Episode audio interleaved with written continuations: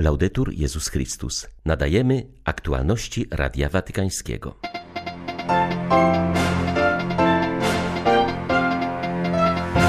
Nasze słowa mogą być gestem miłości albo śmiercionośną bronią, ostrzega papież Franciszek. Benedykt XVI modli się za Chorwatów poszkodowanych w wyniku trzęsienia ziemi. Arcybiskup Nowego Jorku apeluje do prezydenta Bidena o zmianę polityki aborcyjnej. Liczymy, że sanktuarium, jakim jest łono matki, będzie przez niego bronione z równą stanowczością jak nasz kongres, powiedział kardynał Dolan. 15 stycznia witają Państwa Krzysztof Bronk i Łukasz Sośniak. Zapraszamy na serwis informacyjny. Wypowiadane przez nas słowa mogą być pocałunkiem, gestem czułości, lekarstwem, ale mogą stać się też nożem czy śmiercionośną amunicją. Franciszek pisze o tym we wstępie do książki Nie obmawiać innych, która jest swoistym wademekum użycia słowa opracowanym na podstawie papieskiego nauczania. Za matką Teresą z Kalkuty papież przypomina, że wszystko zaczyna się od ciszy, która prowadzi nas do czynienia miłosierdzia wobec innych. Papież wskazuje na wagę słów, ponieważ mogą one dać życie, ale i zabijać, mówi autor książki brat Emiliano Antenucci. Wspaniałym darem jest przedmowa napisana przez papieża. Obmowa, plotka, jak tłumaczy Franciszek, jest z punktu widzenia teologii, ale i dekalogu gestem szkodzącym wizerunkowi piękna, które jest w każdym z nas. Kiedy plotkujemy, popełniamy czyn podobny do morderstwa, ponieważ nie zabija się tylko bronią, ale można zabić również językiem. Musimy zdać sobie sprawę, że dzisiaj plotkowanie jest sportem światowym, uprawianym we wszystkich środowiskach, także w Kościele. Bomby, o których mówi papież, to obmowa, plotki i kalumnie. Dlatego ważne jest, aby dziewica milczenia nauczyła nas właściwego posługiwania się językiem. Myślę szczególnie o tych, którzy pracują w dziedzinie komunikacji, ponieważ właśnie ich słowa mogą dawać życie lub śmierć. Słowa mogą być murami lub mostami, gestami czułości lub śmiercionośnymi nabojami. Dei proiettili. Papież senior modli się za Chorwatów poszkodowanych na skutek trzęsienia ziemi. Chorwacka Katolicka Agencja Informacyjna IKA opublikowała list Benedykta XVI do metropolity Zagrzebia, kardynała Josipa Bozanicza. Papież senior przyznaje, że wiadomość o kataklizmie dotarła do niego w chwili, kiedy zaczął pisać noworoczne życzenia do kardynała Bozanicza w odpowiedzi na otrzymany od niego list. Benedykt XVI zapewnia, że jest tym bardzo poruszony i uczestniczy w bólu, który został spowodowany przez to niepojęte wydarzenie. Wraz z całym moim domem modlę się do Dzieciątka Jezus, by wejrzało na cierpienie tak wielu niewinnych ludzi i pomogło w odbudowie zniszczeń. W tym sensie z serca przyjmuję Twoją prośbę, by pobłogosławić Kościół w Zagrzebiu i w całej Chorwacji, napisał papież senior. Przypomnijmy, że na pomoc ofiarom trzęsienia ziemi śpieszą w tych dniach katolicy z różnych krajów Europy. Episkopat Polski ogłosił niedzielę 24 stycznia Dniem Solidarności z Chorwacją. Tego dnia w polskich kościołach zbierane będą pieniądze na pomoc poszkodowanym.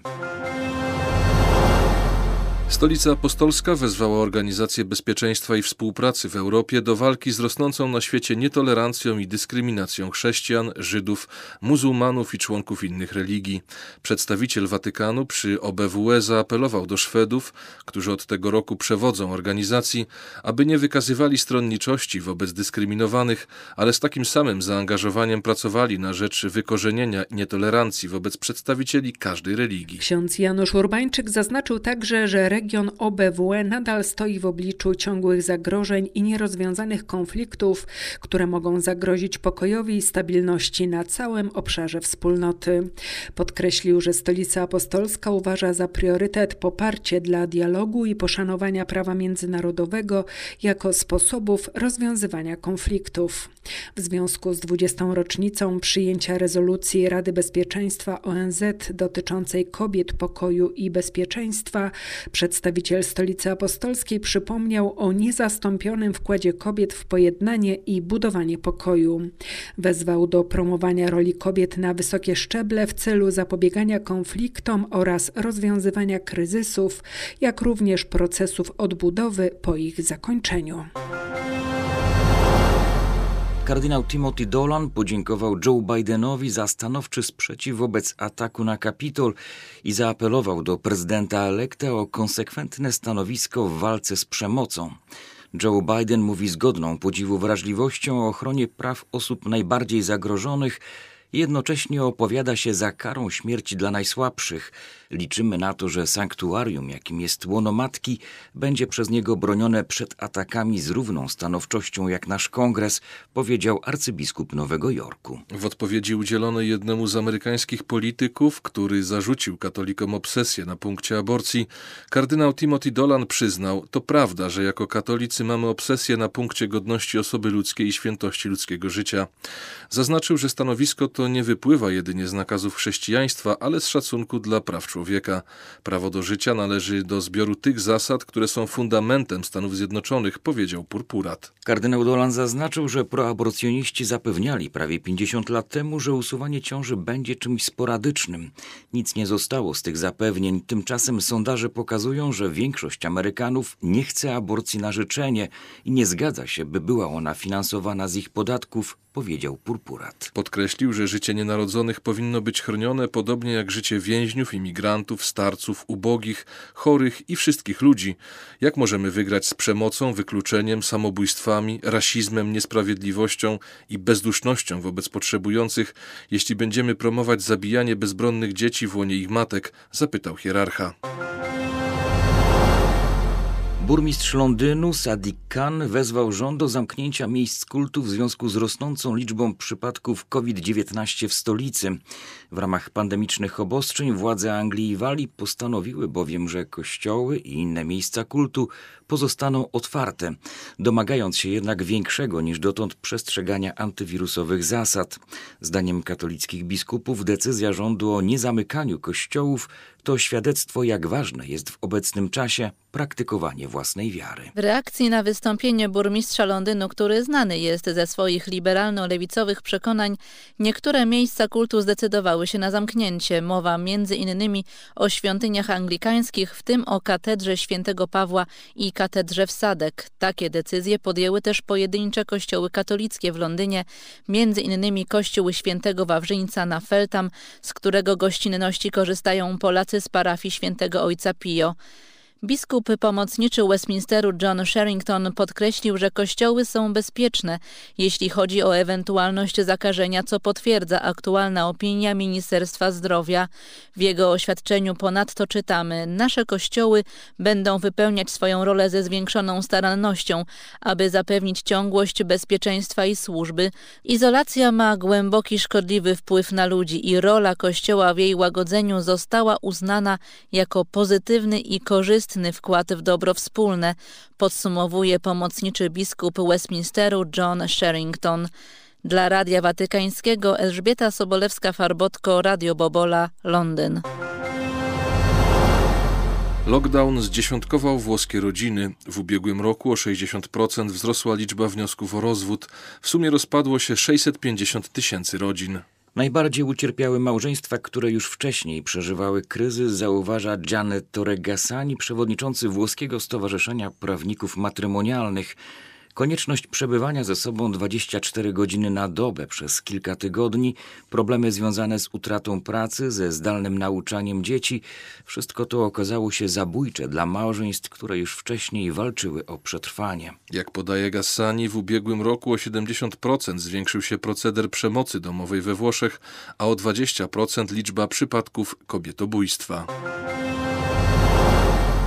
49% francuskich nauczycieli nakłada na siebie autocenzurę, by nie mieć problemów z muzułmanami. Liczba ta znacząco rośnie w szkołach znajdujących się na obrzeżach miast, które zdominowane są przez wyznawców islamu. Nauczyciele biją na alarm, że państwo nie zapewnia im wystarczającej ochrony i nie broni ich w obliczu bezpodstawnych oskarżeń. Na coraz większe zdominowanie francuskiego szkolnictwa przez radykalny islam wskazuje sondaż przeprowadzony przez tamtejszy Instytut Badania Opinii Publicznej. Wynika z niego, że rośnie liczba nauczycieli, którzy unikają w szkole tematów związanych w jakikolwiek sposób z wiarą i religią, by nie prowokować incydentów w klasie. W szkołach zdominowanych przez wyznawców islamu aż 70% nauczycieli deklaruje autocenzurę w kwestiach religijnie drażliwych. Czujemy się pozostawieni na pastwę losu. Ode mnie rodzice zażądali wręcz, bym nie czytała ich dzieciom bajki o trzech małych świnkach, bo są to zwierzęta nieczyste w islamie, mówi jedna z przedszkolanek. W jej placówce nie ma mowy o ustawieniu choinki czy bożonarodzeniowej szopki, choć większość dzieci to wciąż chrześcijanie. O tym, jak sytuacja jest trudna, może świadczyć fakt, że z dziedzińca szkoły w miejscowości Izer usunięto wielowiekową figurkę Matki Boskiej. Według dyrektor szkoły była to forma uczczenia pamięci nauczyciela Samuela Patiego, zamordowanego przez muzułmanów za pokazywanie karykatur Mahometa. Coraz większa ustępliwość wobec islamu, a zarazem rosnąca wrogość wobec chrześcijaństwa stanowi mieszankę wybuchową dla szkolnictwa we Francji. Patriarcha Kościoła Chaldejskiego, kardynał Luis Rafael Sacco, apeluje do wiernych o modlitwę w intencji przyszłej wizyty papieża Franciszka w Iraku. Specjalnie przygotowana formuła ma być odmawiana co niedzielę przez cały miesiąc. Istnieją obawy, że utrzymujący się kryzys sanitarny doprowadzi do kolejnego odłożenia daty podróży apostolskiej. Od przyszłej niedzieli chrześcijanie chaldejscy będą odmawiać modlitwę, prosząc wszechmogącego Boga, aby uczynił realną wizytę Ojca Świętego w kraju dwóch rzek. W modlitwie znajdują się też prośby o zdrowie dla papieża i bezpieczeństwo w podróży. Irakijczycy będą też prosić Boga, aby Ojciec Święty mógł promować dialog i braterskie pojednanie, zwiększać zaufanie, umacniać wartość pokoju i utwierdzać godność ludzką, zwłaszcza dla nas, Irakijczyków, świadków bolesnych wydarzeń, które wpłynęły na nasze życie, czytamy w tekście modlitwy.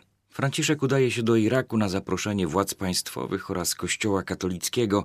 Będzie w tym kraju od 5 do 8 marca. Kwitnie życie w parafiach, jednak celebruje się mniej mszy, jest więcej pierwszych komunii, ale mniej chrztów. To tylko niektóre z danych, które podaje konferencja Episkopatu Austrii na swojej stronie internetowej. Raport podkreśla gęstą sieć parafii i biur duszpasterskich z wieloma wolontariuszami współpracujących ze sobą, pomimo spadku liczby uczestników niedzielnych mszy porównaniu z rokiem ubiegłym zmniejszyła się również liczba bierzmowań i ślubów zakonnych. Według ustaleń Kościoła w Austrii, choć liczba księży nieznacznie zmalała, sytuacja jest nadal stabilna, podobnie jak w przypadku diakonów stałych. Gorzej ma się sprawa z zakonnikami, drastycznie spada liczba braci zakonnych. Najgorsza sytuacja jest z powołaniami do zakonów żeńskich, liczba zakonnic drastycznie się zmniejsza. Chociaż znani są przede wszystkim z posługi na Jasnej Górze, to pracują także w innych sanktuariach, w ponad 70 klasztorach w 17 krajach świata. Dziś we wspomnienie świętego Pawła, pierwszego pustelnika, Paulini przeżywają patronalne święto. Sama nazwa wspólnoty Paulini wywodzi się od żyjącego na przełomie III i IV wieku pierwszego pustelnika chrześcijańskiego Pawła Step. Jego życiowa dewiza solus cum deo solo, czyli sam na sam z Bogiem, stała się tym, co najlepiej wyraża charyzmat białych mnichów. Pandemia sprawiła, że wielu stało się dziś podobnymi do nas pustelnikami, zauważa ojciec Arnold Hrabkowski, generał zakonu Paulinów. Jesteśmy od świata odseparowani, ale świat nie jest dla nas obojętny. To, co dzieje się w świecie, jest częścią także naszego powołania, bo jesteśmy w Kościele, Kościół jest w świecie. I to nie zło, to nie pandemia, to nie układy polityczne, ekonomiczne zależności, ale to Bóg rządzi świat. Dla Radia Watykańskiego Izabela Tyras, Radio Jasna Góra. Były to aktualności Radia Watykańskiego. Laudetur Jezus Chrystus.